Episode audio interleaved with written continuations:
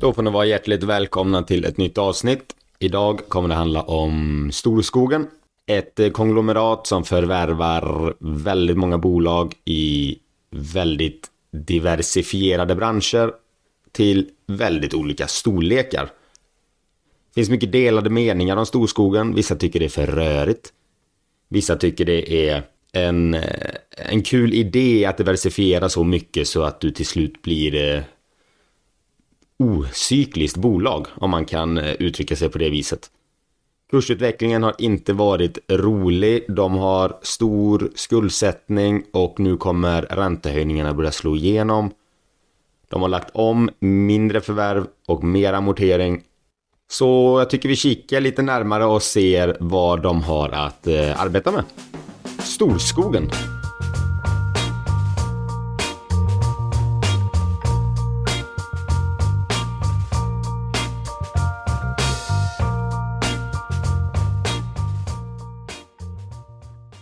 Storskogen, eller som vissa, när de vill vara elaka, säger Snårskogen, är ett väldigt, är ett, hur ska man säga, ett konglomerat som är väldigt brett. De har en väldig bredd på sina företag de förvärvar. Men de har försökt strukturera upp det hela genom att dela in det i tre områden. Tjänster, handel och industri. Dessa tre områden omsätter ungefär, vi tar färska siffror, vi använder Q4. Då står tjänsterna för 33%, handeln 30% och industrin för 37% av omsättningen. I området tjänster är, som det låter, diverse tjänstebolag. Oftast B2B-nischer. Det är alltså business to business. Det finns inom installation, logistik, entreprenad, infrastruktur, konstruktion, digitala tjänster och HR och kompetens. De har 62 stycken affärsenheter i detta med 5140 anställda. Handeln. Då siktar de på starka varumärken och det är uppdelat i hus och hem, hälsa skönhet, sportkläder och accessoarer och nischade verksamheter.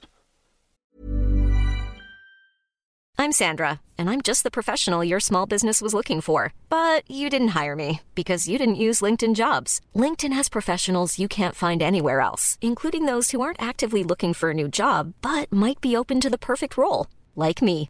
In a given month, over 70% of LinkedIn users don't visit other leading job sites. So if you're not looking on LinkedIn, you'll miss out on great candidates like Sandra. Start hiring professionals like a professional. Post your free job on linkedin.com/people today. Everyone knows therapy is great for solving problems, but getting therapy has its own problems too, like finding the right therapist, fitting into their schedule, and of course, the cost. Well, BetterHelp can solve those problems. It's totally online and built around your schedule. It's surprisingly affordable too. Connect with a credentialed therapist by phone, video, or online chat, all from the comfort of your home. Visit betterhelp.com to learn more and save 10% on your first month. That's BetterHelp H E L P. There's never been a faster or easier way to start your weight loss journey than with PlushCare. PlushCare accepts most insurance plans and gives you online access to board-certified physicians who can prescribe FDA-approved weight loss medications like Wigovi and Zepbound for those who qualify. Take charge of your health and speak with a board-certified physician about a weight loss plan that's right for you. Get started today at plushcare.com slash weight loss. That's plushcare.com slash weight loss. plushcare.com slash weight loss. 35 stycken affärsenheter, 2417 anställda. Industrin är uppdelad på automation, industriteknik och produkter. De har 39 affärsenheter med totalt 5276 anställda. Så här får man säga att de ändå diversifierar sig bra. Omsättningen ligger ungefär på en tredjedel var och även de anställda ligger ungefär med, eh, inte riktigt en tredjedel var, men industri och tjänster har ungefär 5000 anställda var. Medan handeln då ligger på lite lägre med 2500 stycken. Tjänsterna, även där, de har lite fler tjänsteaffärer eh, eh om man säger så. De har 62 stycken. Det här beror nog troligtvis på att det är små lokala bolag. Du har kanske en liten snickarfirma, du har ett litet elbolag och eh, det blir per automatik att de kommer troligtvis bli lite fler. Det är en tyngre investering att driva 62 industriföretag. Det är divisionerna, det är områdena den verkar i omsättningen. Jag tänkte vi går in och kika på lite varumärken, ser ifall det är någonting man känner igen. Jag kommer ju inte dra alla bolag, för det är ju väldigt många som vi har konstaterat. Men jag drar några stycken. TK Logistik. Delikatesskungen. Stål och rörmontage. Skaraslättens transport. Roslagsgjuteriet. Svenska tungdykargruppen. Ullmax. El och projektering i Vetlanda. Såg och betong. Kjellmo grävmaskiner. Perfect Hair. Enrival. Symbios. Wingert Foods. Vox Hair Concept. Dessa är ju bara ett fåtal av alla deras bolag. Du har allt från frisörsalonger till husmontörer till rörläggare. Transportbolag, alltså du har allt. Ett bolag jag såg här, de gör liksom ullkläder för friluftsliv till exempel. Är väldigt framgångsrika i det. Du hade ett annat bolag som har det tufft nu, troligtvis det är Hudiks hus. Som designar och säljer prefabricerade trähus. Ett annat jag nämnde var ju Wingert Foods. De tillverkar färdigmat i Tyskland. Så att du, du, du har väldigt mycket i det här bolaget och det är väl det som har varit lite deras affärsmodell med att du har tre affärsområden och när ett går dåligt, som kanske nu då framöver, så kommer deras industridel gå lite sämre. Men då har du handeln som väger upp lite grann för det och även tjänsteområdena. Och så här kommer det rulla hela tiden. Och sen så kommer företagen i de här områdena ytterligare vara diversifierade. Just på grund av att de vill ha kassaflöden in hela tiden och de står inte med en bransch och faller. Det marknaden tror här det är snarare att de står med flera branscher och faller. Men tittar man på bolagen här så ser man att det är god spridning och det kommer nog alltid i varje del av konjunktur så kommer det vara några bolag i det här som kommer gå bra. Sen kanske inte de väger upp de som går dåligt men det är det vi får kika lite närmare på här. Vad jag vet är rent generellt det är att de äger ju, jag tror det är två småhustillverkare. De går ju katastrofdåligt just nu. Men i och med att de då är en så liten del så kommer de kunna täcka upp för det här. Innan gick vi ju igenom deras tre affärsområden. Service, handel, industri. Vi gick även igenom några bolag. För att se om man kände igen någonting. Kollar vi lite närmare och ser även omsättningsfördelningen inom varje område. Så kan man kolla först på services, alltså tjänster. Det var 62 företag och 5100 anställda.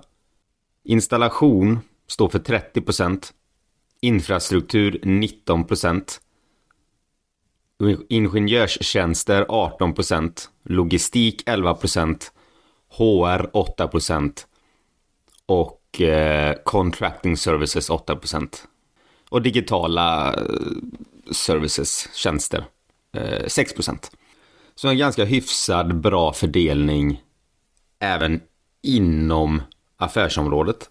Kollar vi handel så har du heminredning 33% Home and living står det. det. Ni får tolka det lite som ni vill. Nischhandel 29% alltså riktad handel mot vissa speciella nischer. Skönhet och hälsa 24 Sport, kläder och accessoarer 14% Detta är då fördelat på 35 företag och 2400 anställda. Här, jag kommer glömma det annars, jag tar faktiskt upp det här. Jag har sett att de har förvärvat ganska mycket på Health and Beauty. Alltså de har gått in och köpt vissa kedjor och de har köpt varumärken. Och om det kommer någon vidare take på det här, alltså om de har någon tanke med bakom det här att de kanske ska slå ihop de här, starta eller skapa ett, ett större företag eller om de bara tycker att det är en attraktiv affärsmodell, det vet jag inte men får ni tid över och är, eh, är lite intresserade, bara kolla upp det, kolla vilka skönhetsmärken de har köpt och se liksom, och försök lista ut om de har någon tanke där. Industrin, då har du eh, industriteknik 38%, automation 31% och produkter 31%. 39 företag och 5300 anställda. Så att rent teoretiskt måste jag ändå säga att de har diversifierat sin affär väldigt, väldigt väl. Varje affärsområde har 30% omsättning och inom varje affärsområde så har du också diversifierat ut det på väldigt många olika sektorer vid en första anblick blir du då, ser du ju ganska tryggt ut. Service omsätter 12,1 miljarder, handel 10,7 miljarder och industri 14,6 miljarder. Nu framöver så kommer väl troligtvis industridelen gå ner lite grann, handel kommer gå ner lite grann och service kommer gå ner. Men vissa sektorer inom det kommer stanna kvar. Du kommer troligtvis ha skönhet och hälsa i handel till exempel, den kommer nog ligga kvar för att du kan inte dra ner där hur mycket som helst. Och infrastruktur i eh, tjänster, den kommer nog också ligga kvar hyfsat. För du kan inte skära ner hur mycket som helst i det området. Storskogen har som mål att avkasta ungefär 10% ebitda-marginal. Och ha en skuld på 2 till 3 gånger ebitda. Kollar man på Q4 så ser man att att eh, i serviceområdet så har de en eh, justerad ebitda-marginal ska tilläggas. Men på 9,5 procent. I handel så ligger samma justerade på 9,6 procent och i industrin 11 procent. De har ju kunnat flytta över sina kostnader på kund. Det är därför de har kunnat lyckas behålla eh, dessa marginaler. Det är för att de har väl antingen rattat tidigt eller så att de har vissa områden där det är ganska lätt att höja priserna direkt. Du har inte, vissa företag har dem, absolut, men i och med att de har så många företag som faktiskt kan direkt skicka ut det på kund. De kanske inte har som ett stort byggbolag där du har kontrakt flera år framåt. Eller ett år framåt där du är bunden att leverera på gamla kontrakt.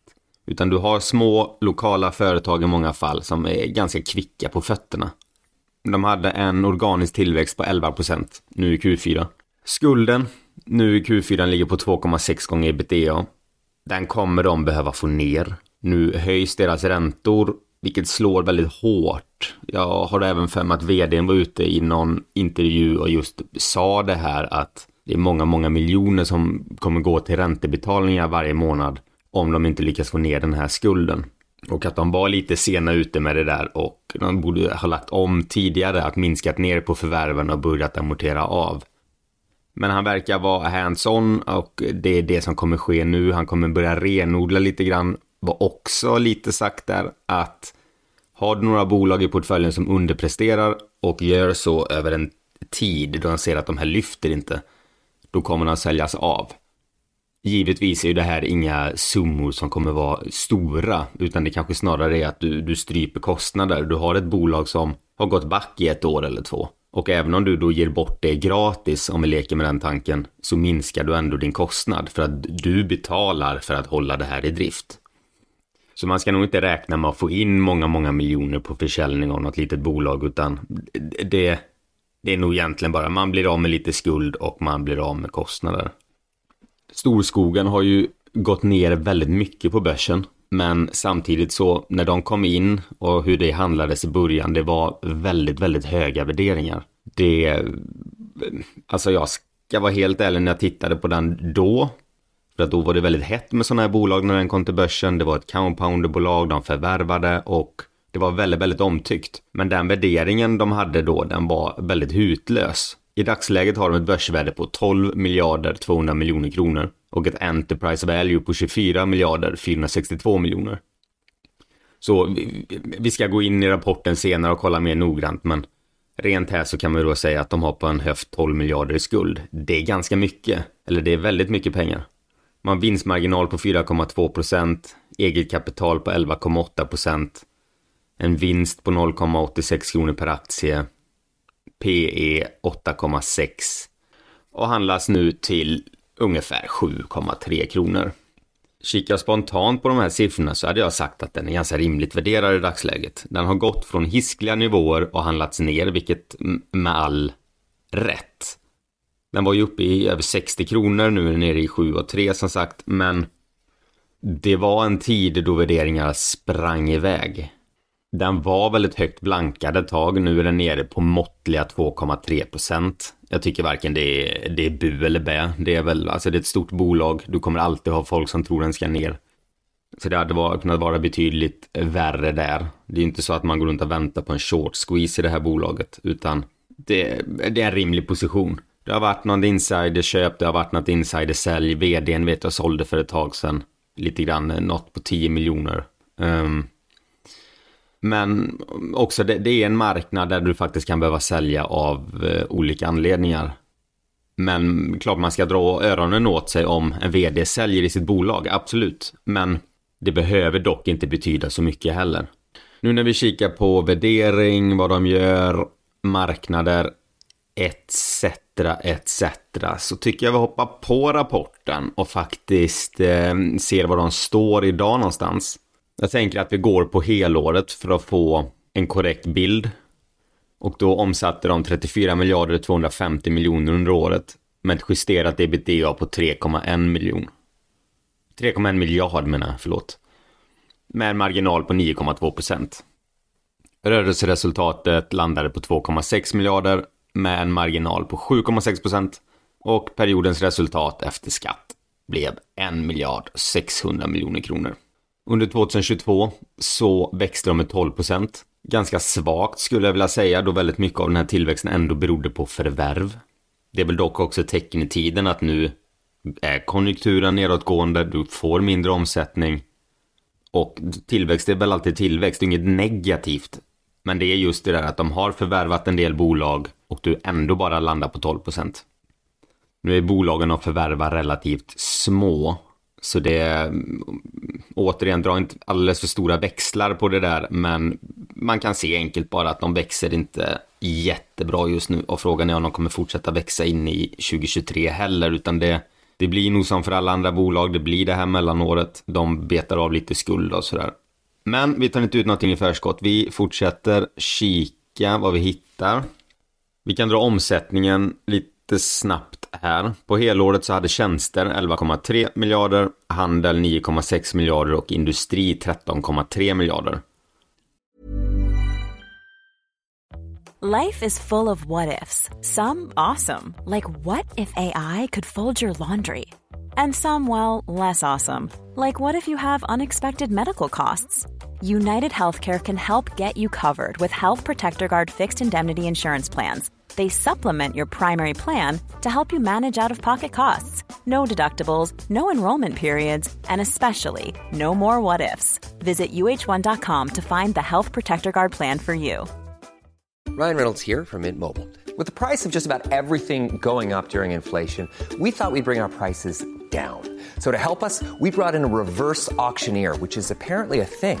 Mint Mobile unlimited premium wireless. Ready to get 30, 30, bit to get 30, bit to get 20, 20, 20, bit to get 20, 20, bit to get 15, 15, 15, 15 just 15 bucks a month. So, Give it a try at mintmobile.com/switch. slash $45 up front for 3 months plus taxes and fees. Promo rate for new customers for limited time. Unlimited more than 40 gigabytes per month slows. Full terms at mintmobile.com.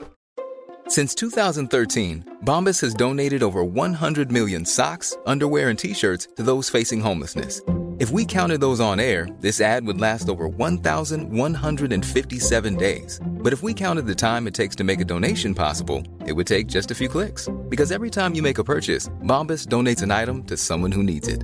Go to bombas.com slash ACAST and use code ACAST for 20% off your first purchase. That's bombas.com slash ACAST, code ACAST.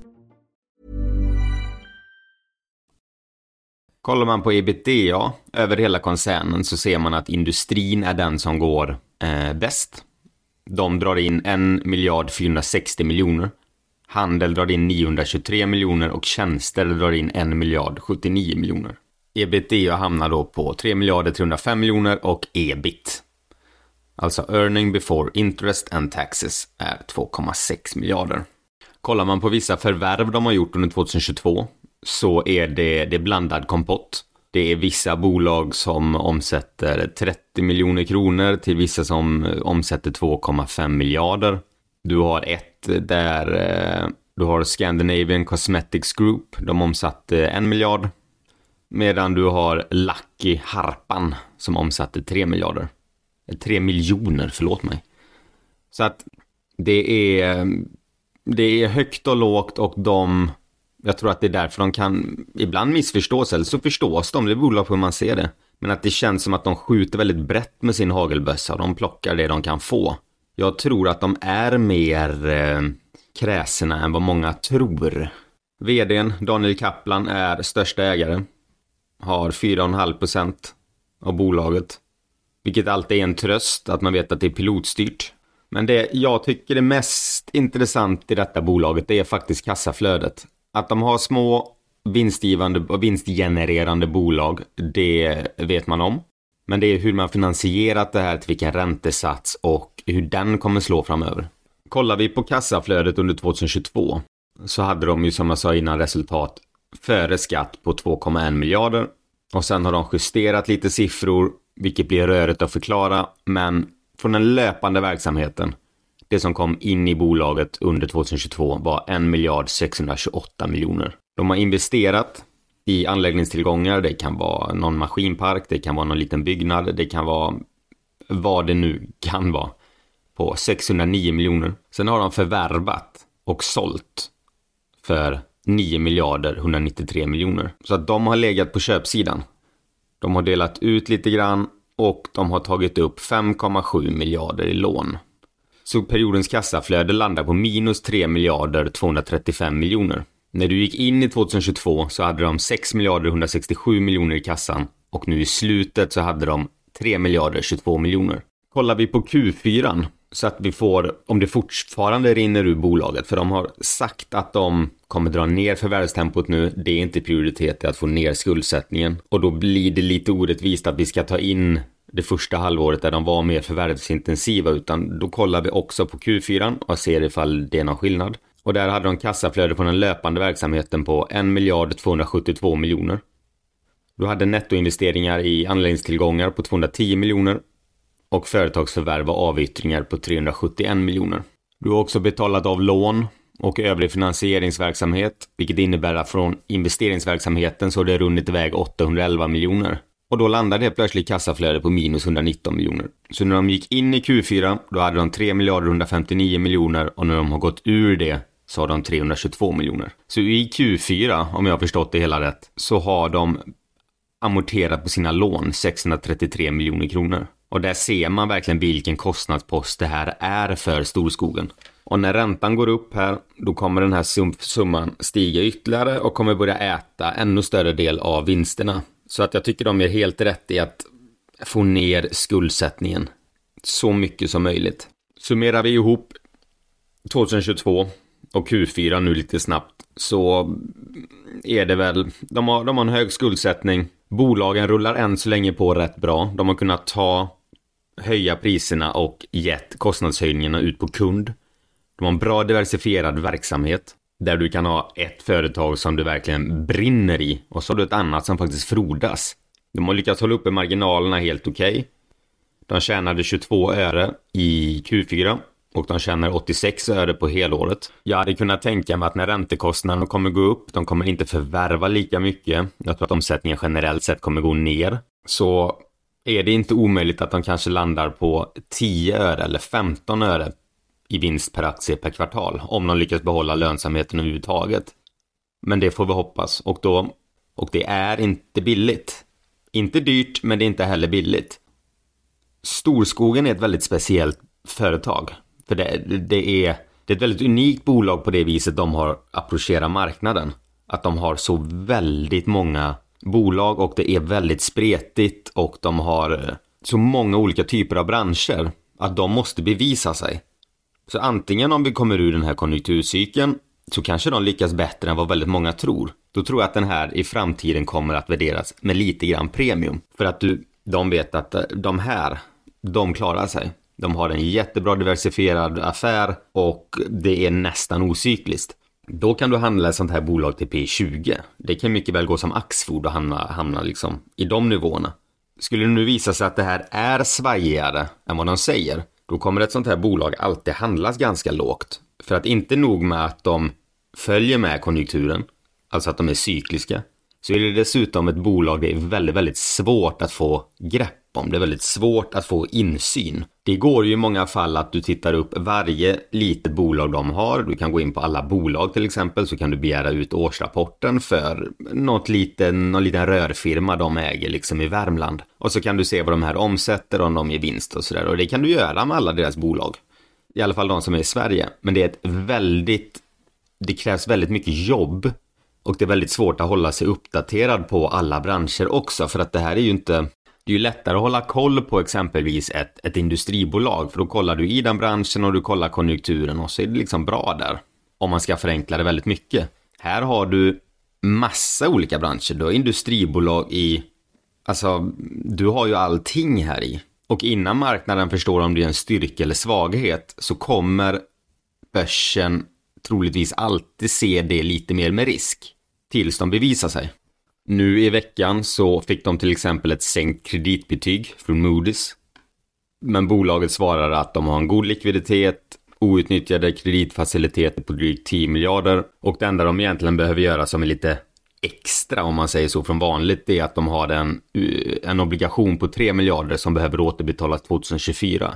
Där har de ju ett år på sig och mycket kan hända tills dess men det, de har inte marknadens tilltro riktigt om det är rätt eller fel, det vet inte jag, men de är nya, de har inte riktigt bevisat sig. Det de skulle gjort var att sluta förvärva så långt, lägga lite mer pengar på skuld, betala ner den och liksom ordna upp, få ordning på torpet innan lågkonjunkturen kom. Det är jävligt lätt att säga, det vet jag med, men nu står de där de står. De har en hög skuld, räntekostnaderna kommer att gå upp, marknadens förtroende är inte jättestort. Det är svårt att räkna på bolaget för det består av så många små bolag. Så du har ju också nedskrivningsbehov, eventuellt. Går bolagen de, för, de förvärvat sämre än vad de tror så måste de skriva ner värdet. Det är det jag skulle se som det negativa. Och det, det är inte lite negativt, det är ganska väsentliga grejer. Och återigen, jag förstår att den handlas här nere. Gör jag en vanlig servettkalkyl och ser vad de gjorde i vinst förra året och vad de kan göra i vinst detta året så, så landar den här, tror jag. Den ligger på en P10 liksom. Kan gå ner ytterligare om, om, eh, om tillväxten går ner lite grann. Lite sämre marginaler, du har lite svajigare inköpspriser och eh, räntorna går upp. Så att det finns absolut nedsida. Ska man se det positiva så verkar du ha bolag som har varit snabba med att höja sina priser, tagit ut det på kund du har en sån bredd på dotterbolag att när ett går dåligt så går ett annat bra. Det finns enorma besparingsmöjligheter i sådana här eh, bolag. Alltså, nu vet inte jag exakt hur de arbetar och vill arbeta. Men du hade kunnat slå ihop vissa företag, du hade kunnat omprioritera varifrån de beställer varor, de kan köpa av varandra. De kan utbyta tjänster, de kan ta kontrakt gemensamt om du har en rövfirma och en takfirma i ungefär samma orter exempelvis. Så kan de säga att vi går in som en hel operatör till renoveringen av det här huset. Kanske ett dåligt exempel men jag tror, jag tror min poäng kommer fram. Planning for your next trip? Elevate your travel style with Quince. Quince has all the jet setting essentials you'll want for your next getaway. Like European linen premium luggage options, buttery soft Italian leather bags, and so much more. And it's all priced at 50 to 80% less than similar brands. Plus, Quince only works with factories that use safe and ethical manufacturing practices. Pack your bags with high-quality essentials you'll be wearing for vacations to come with Quince. Go to quince.com slash trip for free shipping and 365-day returns. Mom deserves the best, and there's no better place to shop for Mother's Day than Whole Foods Market. They're your destination for unbeatable savings, from premium gifts to show-stopping flowers and irresistible desserts. Start by saving 33% with Prime on all body care and candles. Then get a 15-stem bunch of tulips for just $9.99 each with Prime. Round out Mom's menu with festive rosé, irresistible berry chantilly cake, and more special treats. Come celebrate Mother's Day at Whole Foods Market. Så det finns värden i det här bolaget som absolut inte ger sken av i kursen. Men då måste man antingen kommunicera bättre så att man får fram det här, att det här kan vi göra och det här håller vi på med. Och om inte det hjälper, då får man bara göra det och då kommer det här synas i marginalen ännu mer. För att du, alltså 10% ebitda-marginal där i snitt, det är inte dåligt på något sätt. Så det är klokt det de säger, det är att sakta ner förvärvstakten och beta av skuld. För kassaflödet är ju väldigt, väldigt starkt. Så att det är inte absolut inte omöjligt att de lyckas med det där. Det de hade kunnat göra, men som jag inte tror de vill till de här nivåerna i alla fall, det är att göra en nyemission. Ta in pengar, rensa upp och sen så står bolaget starkt. Men jag tror de vill bevisa sig. Jag upplever också att ingen är direkt sugen på att ta in pengar som sagt på dessa nivåer. Och det finns nog inte behov för det i dagsläget heller. Om man som sagt inte vill sanera skuld.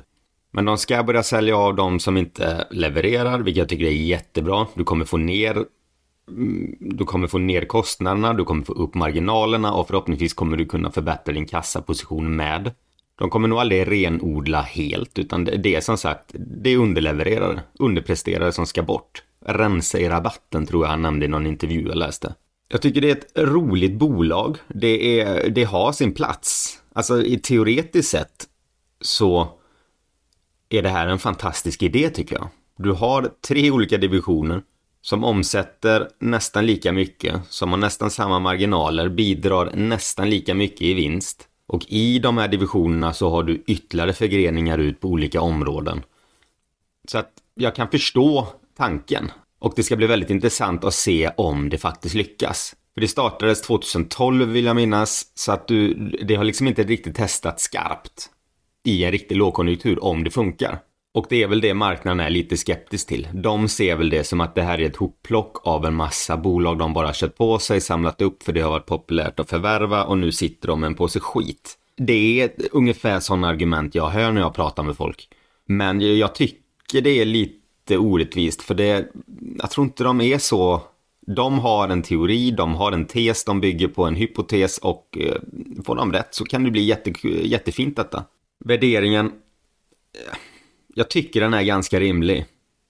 Jag ser inte att det här skulle explodera upp i, ja helt plötsligt börja handlas till P20. Jag ser inte heller att de skulle kunna öka vinsten så mycket 2023 att du skulle få upp vinn och dubbla den heller. Det är om de hittar lite summor de kan skriva upp något värde eh, och sådär. Men lika väl som att du minimerar risken på nedsidan att om något bolag går dåligt då går inte hela bolaget dåligt för de har så många som bär upp.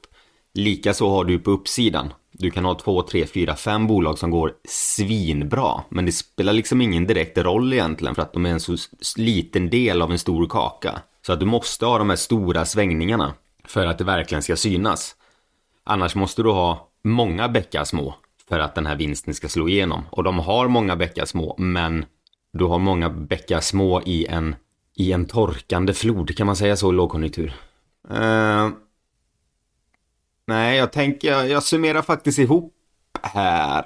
Uh, jag försöker hålla hyfsad tidsplan. Vissa bolag vet jag egentligen borde sitta ännu längre med för att verkligen gå på djupet, men jag ska inte ljuga. Jag har inte alltid tid till det tyvärr, även om jag hade velat. Det kanske kommer i framtiden. Så eh, det är mina fem cent om storskogen. Det är ett bolag som måste bevisa sig, se att det funkar i en sån här typ av marknad, minska sin skuldsättning, dra ner på förvärven och eh, det ska bli intressant att följa vad det här tar vägen. Glöm inte lyssna på nästa avsnitt, glöm inte prenumerera och ni vet ni kan höra av er om önskemål. Storskogen är ett sånt bolag, jag har fått in många önskemål om det och då gör jag en analys. Så, nu får ni ha det bra så länge, så hörs vi nästa avsnitt. Hej!